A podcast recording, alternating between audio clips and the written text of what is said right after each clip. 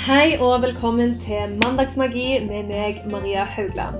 I denne podkasten deler jeg tips, hacks og verktøy til hvordan du kan skape en magisk hverdag. Om du vil ha mer inspirasjon fra meg, følg meg på Instagram at mariahaugland.no, eller besøk min hjemmeside mariahaugland.no for nettbutikk og blogg. Der finner du bl.a. min bestselgende gurkemeieblend, som er en økologisk og betennelsesdempende miks du enkelt lager gullmelk med. Men nå, nå kjører vi i gang med dagens episode av Mandagsmagi.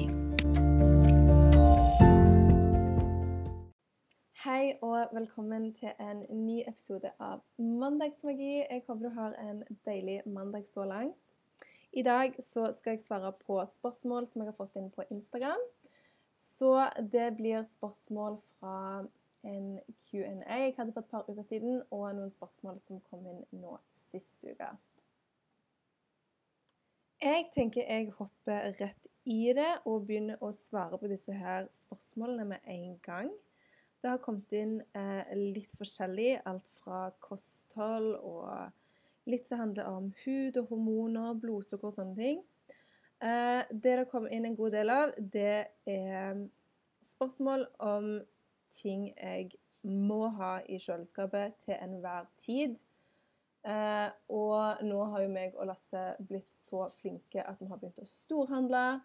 Og vi har jo klart det nå i tre uker på rad, der vi har kun handla på lørdagen.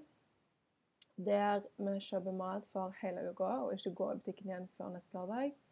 Så sånn sett så er jeg ekstremt stolt over oss at vi klarer det. Og jeg føler òg at det gir så sinnssykt god oversikt i kjøleskapet. fordi at når jeg handler på lørdagen nå, så vasker jeg kjøleskapet eh, før jeg setter inn de nye varene. Og så føler jeg òg at når du planlegger så nøye hva du skal ha til middag hver dag, så føler jeg at hver dag jeg lager middag, så er det liksom ordentlig mat. Jeg bruker tid på å lage middag. Det blir ikke sånn åh, i dag gidder jeg ikke, jeg bare slenger sammen en lompetoast. Det er selvfølgelig helt innafor òg av og til. Men når du på en måte har kjøpt middager til en hel uke, så er du faktisk mye mer bevisst på at du bruker den maten du har kjøpt. Og i går så hadde jeg f.eks. Eh, noen bananer som var blitt ganske brune, og tenkte bare OK, da lager jeg bananbrød. Så jeg føler liksom jeg får utnyttet veldig mye. Men tilbake til det, de tingene jeg absolutt må ha i kjøleskapet til enhver tid, eh, så er det bl.a. egg. Nå har jeg ikke akkurat eggene mine i kjøleskapet, jeg har de på benken. Um, fordi vi bruker så mye egg at uh, de kan bare stå der. Så jeg har egg. Det er et must have for meg. Jeg spiser veldig mange egg hver dag. Jeg elsker egg. Naturens egen superfood. Masse proteiner. Jeg elsker proteiner. Og egg er en så sammensatt næringsbombe som inneholder alt utenom vitamin C. Så egg er my go to. Andre ting jeg alltid må ha i kjøleskapet. Eplesidereddik det drikker jeg hver eneste dag. Det er fantastisk godt for magen, for fordøyelsen.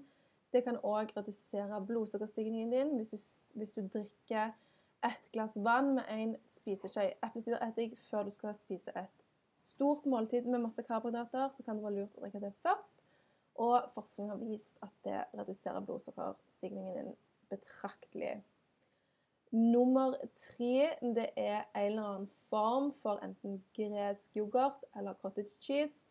Det jeg elsker med gresk yoghurt og cottage cheese, er at det inneholder utrolig store mengder protein og eh, ikke store mengder kalorier.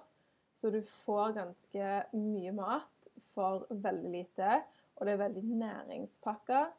Og jeg tåler melkeprodukter veldig bra, så for min del så er eh, proteinkilde fra, eh, fra eh, meieriprodukter veldig godt for min kropp. Så gresk yoghurt, must have. Cottage cheese, must have. En av de velger jeg alltid. Eh, spiser ikke masse av det hver dag, men jeg har enten en liten skål med cottage cheese til frokost eller en liten skål med gresk yoghurt til frokost. Jeg har òg alltid en form for surkål som er fermentert i kjøleskapet. Jeg elsker eh, åh, Ei med alt eh, heter det merket. Det er lokalt i Stavanger. Eh, de lager òg kombucha, og de lager surkål med masse forskjellige smaker. Eh, når det er fermentert òg, så er det fantastisk godt på melkesyrebakterier. Det er fantastisk godt på tarmen.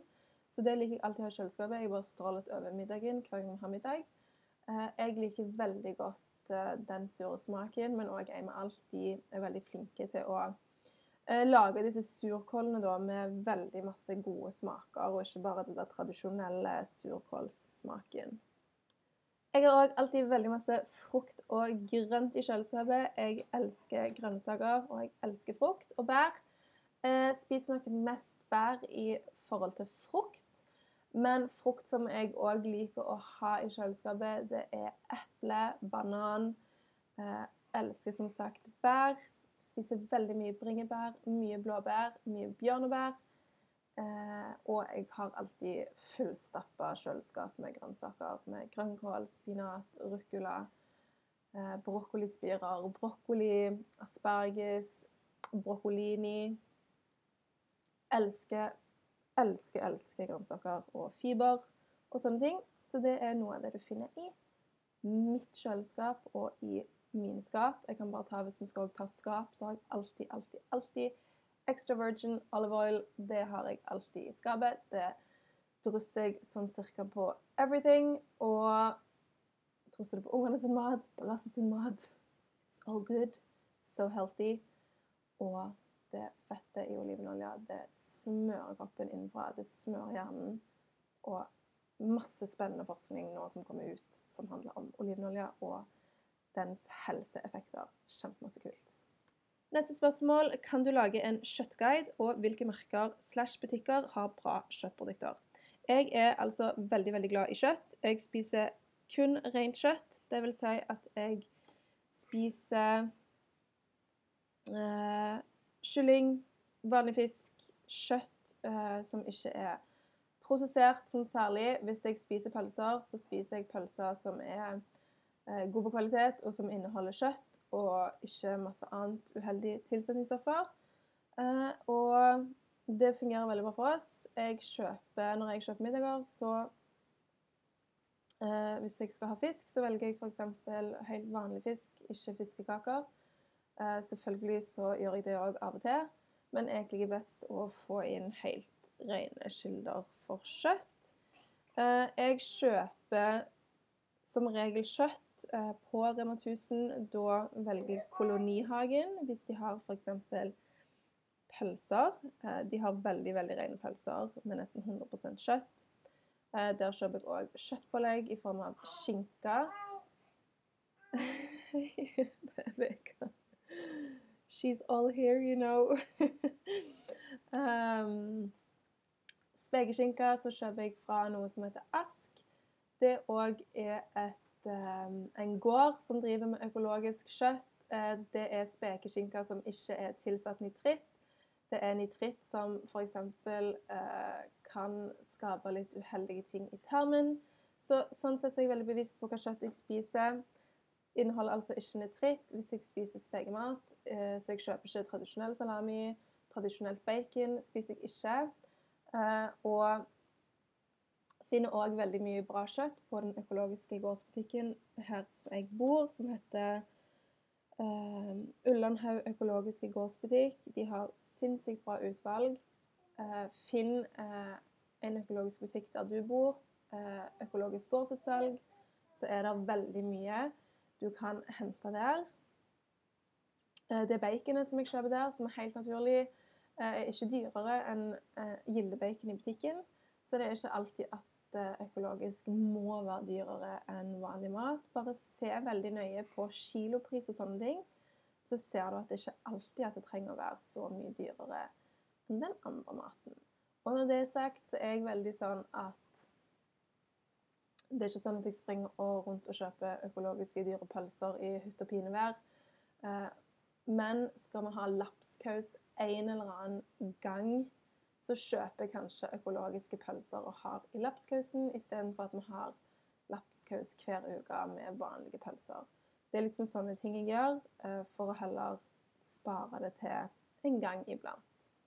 Neste spørsmål. Tips for hormoner i balanse etter fødsel. Er åtte måneder siden og plutselig krisehud. Ja, hormonene dine forandrer seg veldig mye både under en graviditet og etter en graviditet. Kroppen har vært gjennom ganske mye, og en graviditet er ganske Det er en stor eh, greie for kroppen, og kroppen skal gjennom veldig mye. Det som er veldig viktig å huske på hvis du først er gravid, det er at babyen tar alt av næring den trenger. Så det er først du som går tom på dine lagre. Eh, babyen den får alt den skal. Eh, så det er veldig viktig at mor passer på å virkelig følge på med næringsrik mat. Masse drikke. Og ikke glemme dette etter fødsel. Etter fødsel så er det jo et havoc med følelser og ting som skjer, og det er veldig lett å glemme ut å spise og drikke og alt dette her. Eh, så for det å skape en god hormonbalanse òg etter du har født, da er det veldig viktig å fokusere godt på maten du spiser, og på hva du inntar av drikke. Alt dette med søvn selvfølgelig forstyrrer hormonene, og det er jo ingenting man kan styre når man har en liten baby. Da blir søvnen som den blir og man må på en måte slippe den kontrollen. Men man kan alltid støtte hormonene sine med å stresse ned, ta livet med ro, ikke gjøre så mye. Eh, og virkelig det å støtte kroppen med god og ren mat. Eh, jeg anbefaler òg å bare få et helt, altså et helt blodprøvepanel etter du har født, på seks ukers kontroll, bare for å få en liten oversikt over hvor kroppen din har landa etter du har født. Eh, og kanskje òg igjen etter et år der du har òg amma eh, babyen din og sånne ting. Nå skrev denne personen åtte måneder, så hvis du da ammer, så selvfølgelig så skjer det mye da òg. Så bare det å følge med på at du ikke har noen form for eh, mangler av vitaminer og mineraler og sånne ting, så kan det òg være lurt. Hvilke tilskudd av vitaminer anbefaler du? Jeg anbefaler ikke vitaminer sånn til folk generelt, fordi at man er så bioindividuelle at man har behov for ekstra ting. Det jeg kan si, det er lurt å bare få tatt blodprøver for å se om du mangler noe, og ta det derfra. Eh, personlig så sverger jeg til omega-3. Jeg tar omega-3-olje Eh, hver dag. Det gjør hele familien. Eh, jeg tar òg D-vitamin om vinteren og høsten. Nå har jeg så høye nivåer av D-vitamin at eh, om ja, fra mai til september så tar jeg ingenting D-vitamin. Da er jeg bare ute i sola. Smører meg aldri med solkrem før jeg har fått en god dose sol på kroppen, sånn at jeg vet at det går inn i systemet. Eh, og hva annet? Jo, etter jeg har født, så tar jeg jo masse. Jeg tar jo en hel eh, cocktail. Og det er fordi at jeg akkurat har født.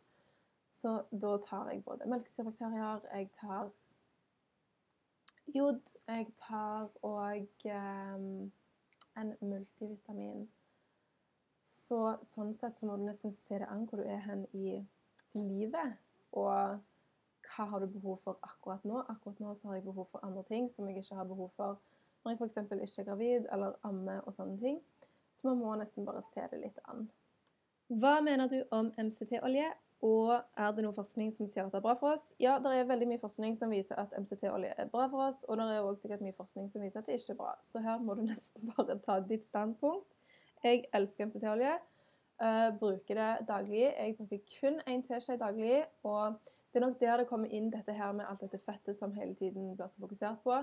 Det betyr ikke at du skal helle inn på fett hele dagen. Man skal være bevisst på mengdene. Og jeg måler alltid. Jeg har alltid én liten teskje i kaffen min, og da måler jeg alltid med en teskje, fordi at det er forskjell på én klunk MCT-olje, så du bare dæsjer oppi kaffen din, versus én teskje. Så bare vær bevisst på mengden, så går det helt fint.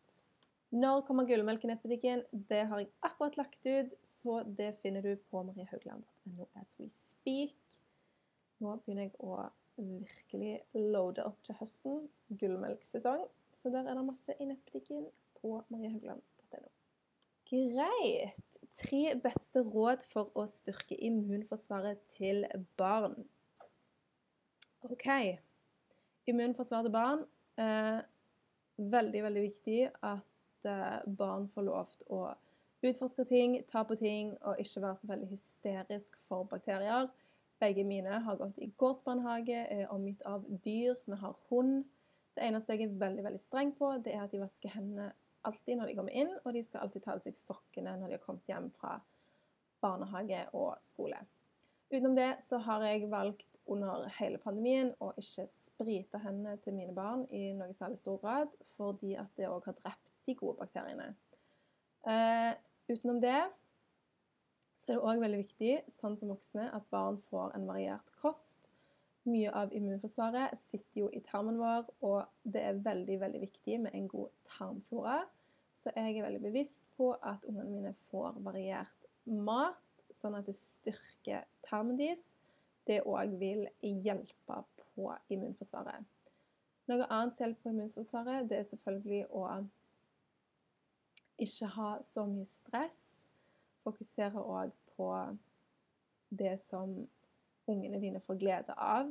Jeg prøver å ikke ha så veldig mye planer til mine unger, eh, og la dem få slappe mye av når de vil det, og være i aktivitet når de ønsker det.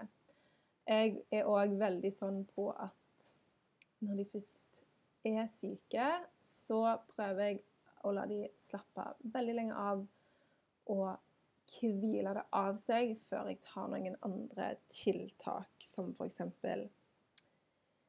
Paracet og sånne ting. Uh, Ulrik har jo Altså, han er jo en Altså, han har ennå ikke hatt Altså, han har i hvert fall ikke testa positivt på covid. Så han har ennå ikke hatt det, selv om hele klassen har hatt det. Vi har hatt det Altså Han er aldri, aldri syk. So good for him. Men han er òg igjen en som er ute på ting, og som sagt, jeg er ikke nøye i det hele tatt. Jeg var ikke nøye under pandemien. Jeg var veldig avslappa.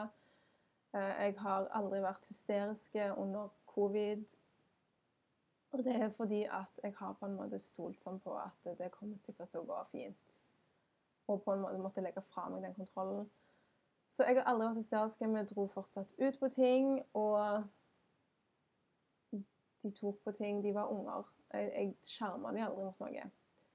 Så sånn sett så kan det jo være at det å ikke skjerme barnet ditt for mye, det er òg veldig lurt for immunforsvaret lurer på hvordan du håndterer motgang og tvil rundt det å være på riktig vei. OK. Utad så selvfølgelig ser det kanskje ut som jeg alltid har everything under control, men når du driver ditt eget firma, der du er eneste ansatt, der du skal generere din egen lønn, du har akkurat fått et barn, du er i permisjon eh, It's crazy town. Og jeg får veldig ofte litt sånn shit, shit, shit, shit. Hva kommer til å skje? Kommer jeg til å klare det? No, ja. Alle disse tankene. Det er helt normalt å få for alle, uansett hvor spirituell eller avslappa du er, så kommer det til å komme dager der du kjenner at ting ikke er så lett. Eh, så ja, det er helt normalt å kjenne på det. Eh, hva jeg gjør for å håndtere det, det er at jeg spør alltid om små tegn. Det er noe jeg er veldig glad i. Jeg spør alltid etter Jeg setter meg ned, lukker øynene. Det første som kommer til meg I dag ber jeg om dette tegnet, som viser meg at jeg er på den rette veien. Eh, som viser at jeg er guida på min vei der jeg skal gå. Kjipt da så får jeg kanskje disse tegnene poppe opp og rundt overalt. Dette ting jeg bruker i avgjørelser og alt. Um, og så har jeg en fantastisk god mann som er helt amazing på det å støtte meg hvis jeg kjenner at jeg føler på motgang, at ting er vanskelige, at jeg blir stressa f.eks. over bedriften min, Eh, veien videre. Det er så mye jeg har lyst til å gjøre, og så føler jeg at jeg bare står i ro. Da er han veldig på det å plukke meg opp rent psykisk og er sånn Det hjelper ikke at du sitter her og stresser med dette. Det er gagningen. Let's go. Fokuser på det neste steget i rett retning. Hva er det? Og ikke prøv å se så langt framover, men ta ting én dag om gangen. Og det hjelper meg veldig. Og jeg prøver alltid å tenke at desto mer jeg fokuserer på ting som er motgang, desto mer bevis på motgang vil jeg finne. Eh, så jeg prøver veldig kjapt å snu ting til å bli OK, hva er det positive her, og hvor kan jeg fokusere mer på det som er positivt? Eh, og da føler jeg òg at ting ruller heller den rette veien i motsetning til å bli veldig dumt og negativt. Hvilke søtningsmidler er OK og ikke OK? F.eks. sukrin, stevia, kokosblomstsukker osv. Greit. Søtningsmidler, altså sukker, kokosblomstsukker, eh, honning Altså rør, sukker, økologisk, ikke-økologisk Alt dette her er sukker, og det påvirker blodsukkeret helt identisk. Så om du velger kokosblomsukker, eller sukker eller you name it, it is the same. Det er selvfølgelig sikkert lurt å velge økologisk og uraffinert. Kanskje det er hakket bedre sånn rent produsert. Men inni kroppen din så vil det i hvert fall påvirke blodsukkeret på samme måte.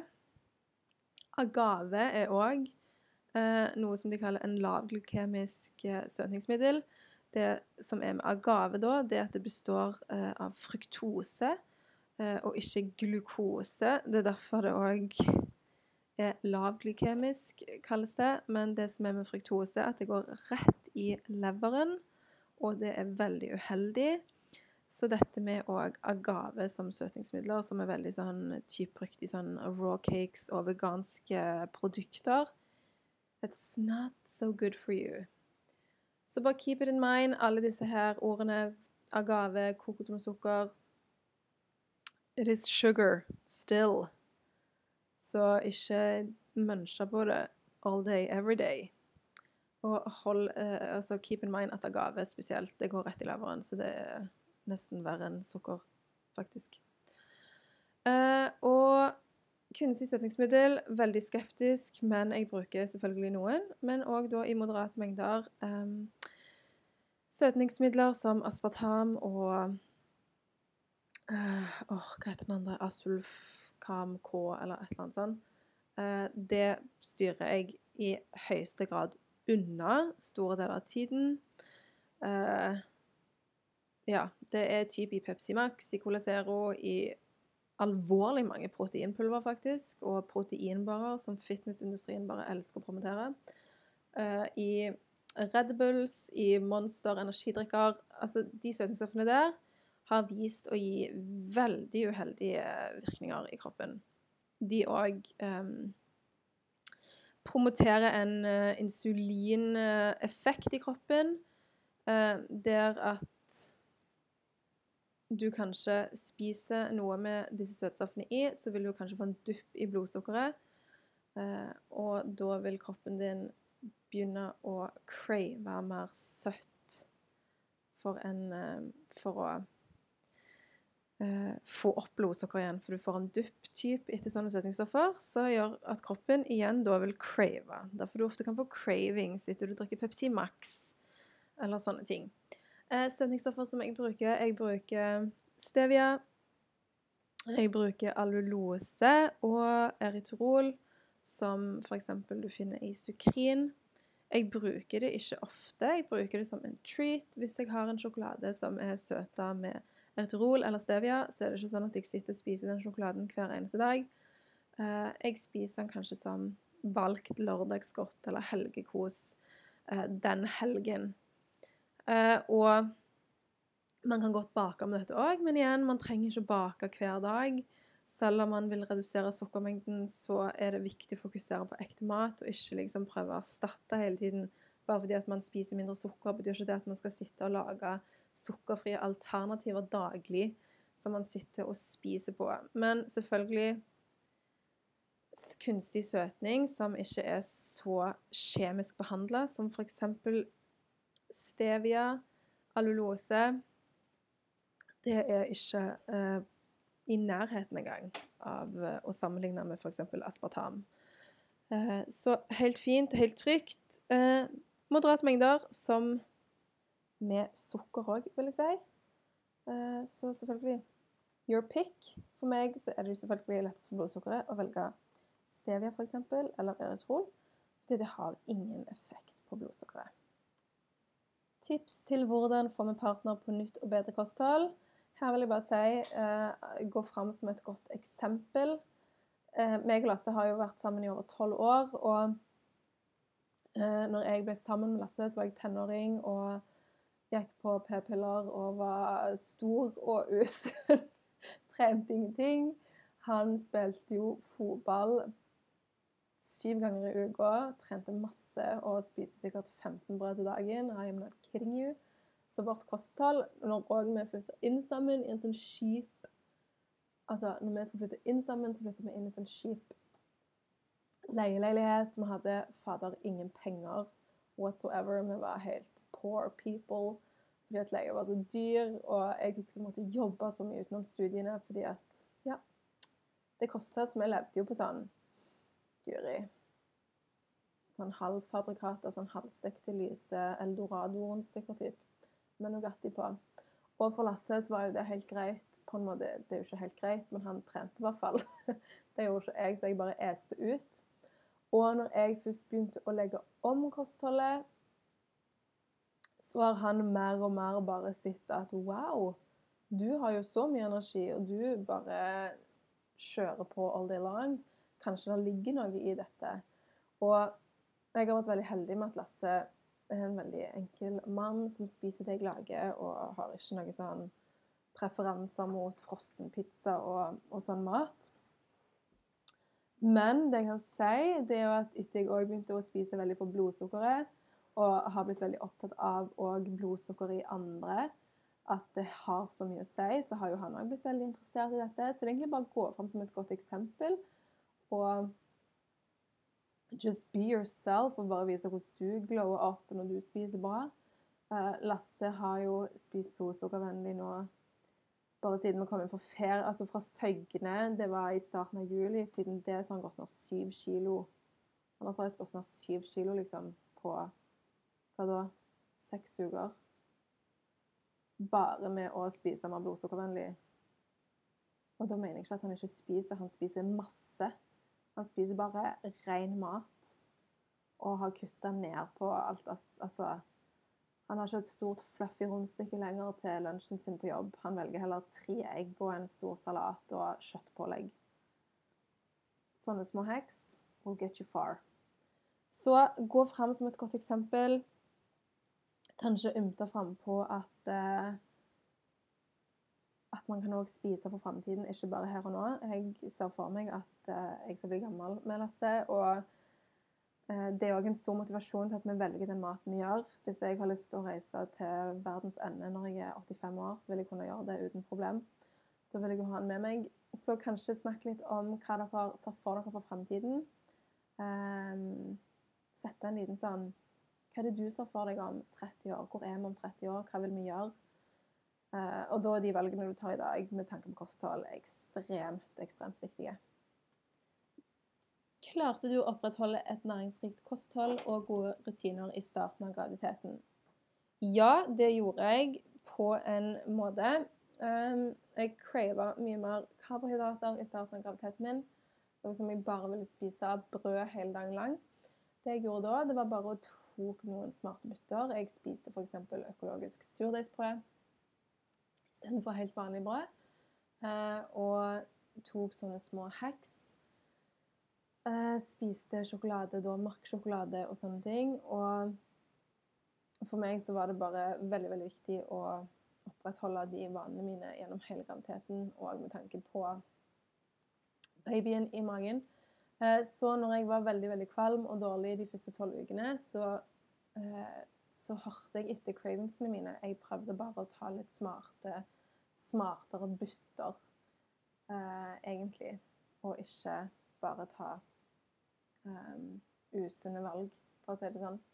Hvis jeg ville ha en stor toast med masse ost, så lagde jeg en surdeigstoast.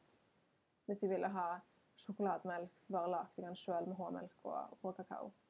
Istedenfor å kjøpe Litago. Sånne ting kan du komme veldig langt med. Hvordan motivere barn til å ta riktige valg? Nå har jo ikke jeg så veldig store barn ennå, men eh, meg og Lasse har vært veldig bevisst på det å gå fram som gode eksempler. Barn eh, hører jo ikke egentlig på hva du sier. Det er i hvert fall nesten ikke mine unger, men de lærer av det du gjør. Eh, så sånn sett så er jeg veldig bevisst på hvordan jeg er rundt ungene. I går for eksempel, så skulle vi til hundefrisøren. Jeg hadde pakket Vega i bilen. Freaking, the freaking dog som hater å kjøre bil. Bare sitter og piper hele veien. Og Ulrik hadde fri fra SFO. Så jeg liksom pakka alle i bilen. eh, Måtte ta lunsjen to go og bare liksom rekke dette halv ett. Kom jeg der. Så har de gått inn for dagen, for de har glemt avtalen min. Først og fremst har jeg jo lyst til å hive et eller annet i veggen, for det irriterer meg sånn at det går an at folk gjør sånne ting. Men så må jeg liksom bare OK, nå er Ulrik med meg. Hvordan reagerer jeg? Jeg reagerer med å si til hun som var der, um, som hadde åpen butikk, at sånne ting kan skje. Det er utrolig dumt. Jeg håper jeg kan finne en løsning, men jeg forstår at sånne ting kan skje. Jeg sa òg til Ulrik at det alltid er en mening med at ting skjer. Og nå må vi bare se etter den meningen med det. Så jeg prøver å heller gå fram som et godt eksempel, sånn at når de skal ta gode valg, så har de på en måte litt inni seg eh, en, en indre guide da, som, som har opplevd at sånn gjør vi det her. Eh, og I'm not perfect. Jeg selvfølgelig mister kontrollen sjøl når det kommer til sånne ting som f.eks. det som skjedde i går. Jeg òg har sure reaksjoner som ungene mine observerer. Men jeg prøver liksom å bli mer bevisst på å snakke om disse tingene og sånne ting. Jeg lærer jo òg mine unger alt om the law of attraction, manifestering og sånne ting. Eh, det lærer jeg til de hele veien. Spesielt Ulrik, som er syv år. Um, det har vi veldig fokus på. At alt det du gjør ut, det får du igjen. Eh, og veldig bevisst på det. Prøver å avlære han alt som han lærer ute i samfunnet. Når han hører at eh, folk i familien sier f.eks. ting som ja, men det skjer bare fordi at jeg begynner å bli gammel, da skjer det sånne ting. Så går vi hjem, og så må vi si til han at absolutt ikke. Du kan bli kjempegammel og ha et helt fantastisk liv. Du trenger ikke å feile noen ting. Eh, typ sånne ting. Eh, så det er veldig spennende å se når mine blir eldre, og de skal ta egne og gode valg eh, videre når de blir ungdommer og voksne. Eh, hva valg de kommer til å ta. Um, så hvis du har tenåringer eller litt eldre barn enn meg, så tror jeg det beste er faktisk å være et godt eksempel. Walk your walk and talk your talk. Gjør Vær et godt eksempel, og vis dem hva du ville gjort. Mhm. Kan du snakke litt om ulike fettkilder og hvordan de påvirker kroppen? Ja. Det finnes veldig mange ulike fettkilder, og det er veldig mye snakk om dette, og veldig mye ulike meninger om fettkilder. Personlig så er jeg veldig glad i olivenolje, smør, ghee, kokosolje og avokadoolje. Jeg prøver så godt jeg kan å ikke få i meg for mye solsikke og rapsolje. Og det er fordi at de inneholder veldig store mengder omega-6, eh, som da ikke er naturlig. Um, altså Det er masse omega-6 i nøtter og sånne ting som er kjempebra, men du skal ikke ha for mye omega-6. Du må ha noe omega-6, for omega-6 er det som hjelper kroppen din hvis du f.eks. får et sår, betennelser og sånne ting. Eh, og det er naturlig å måtte ha det, men problemet i dag er at vi har altfor mye omega-6, og det skaper veldig mye betennelse i kroppen. Um, veldig mye inflammasjon som ikke er heldig. Litt, litt må man ha, men for mye det er uheldig for kroppen. Det er da type autoimmune sykdommer kan oppstå. Det er da man kan få veldig mye vondt i ledd og ha diffuse helseplager. Og for mye av disse oljene, solsikke og rapsolje, de, det er fra mitt ståpunkt og fra det jeg har lest, og det jeg står for, så er ikke for mye av de oljene særlig bra. Eh, litt greit, men problemet nå er at de er i så utrolig mye take anything processed i butikken. Snu på pakken. Det kommer enten stå rapsolje, vegetabilske oljer eller solsikkeolje. Just trust me. Uansett, gå ned i kjøleskapet ditt, les på ingrediensene. Det er in fricken everything. I chips. Altså, jeg blir så takk, gud takknemlig når jeg finner chips som er laga med enten kokosolje eller olivenolje. Det finner jeg kun på den økologiske butikken, men OK. Problemet er at det er så jæklig mye. Og det blir for mye for kroppen å håndtere. Den ratioen mellom omega-6 og omega-3 blir veldig ubalansert, og det fører faktisk til betennelse. Jeg tok en sånn fettsyretest for noen år siden, og jeg spiser jo veldig rent. Kanskje ikke like rent back then som jeg gjør nå, men jeg òg hadde en veldig stor ubalanse i omega-6 og omega-3. Og det sier litt om meg som på en måte er veldig bevisst på kostholdet. Eh, og når, vi da, når jeg fikk se på sånn hver Altså folk som spiser bare sånn Helsedirektoratet-mat, det var helt syke, syke ubalanser. Og det er fordi at omega-6 kryper inn i alt. Så akkurat det har jeg blitt veldig bevisst på. Så fettkilder påvirker kroppen veldig forskjellig. Det er jo snakk om at du får høyt kolesterol av metta fett og sånne ting. Det begynner jo nå å slå sprekker eh, med dette fetthysteriet som har vært siden 70-tallet, som egentlig er en fake rapport. Eh, fordi at eh, De fant jo egentlig ut at det var sukker som fører til hjerteinfarkt og hjertesykdom og sånne ting, men uh, It's a billion dollar industry. Mat er en milliardindustri. Så keep that in mind når du leser om ting som f.eks. Helsedirektoratet anbefaler sånne ting. Så tenk at de har òg uh, investert i veldig mye annet. Men dette her er mine meninger please read up on this yourself, fordi at um, dette er mitt synspunkt. Jeg har veldig sans for olivenolje, som det kommer mye kul forskning på nå, spesielt for eh, hjernen. Og jeg er veldig glad i å bruke ting som folk har brukt i alle år. Smør har Altså, det har vært i alle år eksistert forever ever. Margarin, hvit er hjertegod, solsikkeolje og sånne ting må gjennom en helt forferdelig ekkel prosess for å lage det, og som ikke er naturlig i det hele tatt. Og da tenker min sånn logiske hjerne at nei, smør er sikkert bedre, for det er i hvert fall litt mer naturlig. Jeg er òg veldig sånn som ser på eksempler i min egen familie, der jeg har besteforeldre som er snart 90 år, som er friske. Og de har jo hatt dette kostholdet fra 30-tallet, siden de var små. De har vokst opp på håmelk og smør, og de er 85 år og kjempefriske. Men veldig mange i min familie som har passert 50 år, har blitt utsatt for fetthysteriet på 80- og 90-tallet, og de feiler fader meg alt slags. Som har med livsstilssykdommer å gjøre. Sånne diffuse livsstilsting som bare er sånn Wow, OK, der er noe her. Så jeg prøver egentlig bare å se litt på sånne ting, i hvert fall når det kommer til fettkilder, som er så vanskelig å sette seg inn i, for det er så mye forskjellige meninger om det. Så ja. Siste spørsmål omhandler òg søtningsstoffer. Bruker du fortsatt sukkererstatninger som sukrin og sukrinsirup? Ja, jeg bruker av og til sukrin og av og til stevia og eritrol. Eritrol er jo da sukrin. Jeg bruker ikke uh, sukrinsirup uh, noe særlig.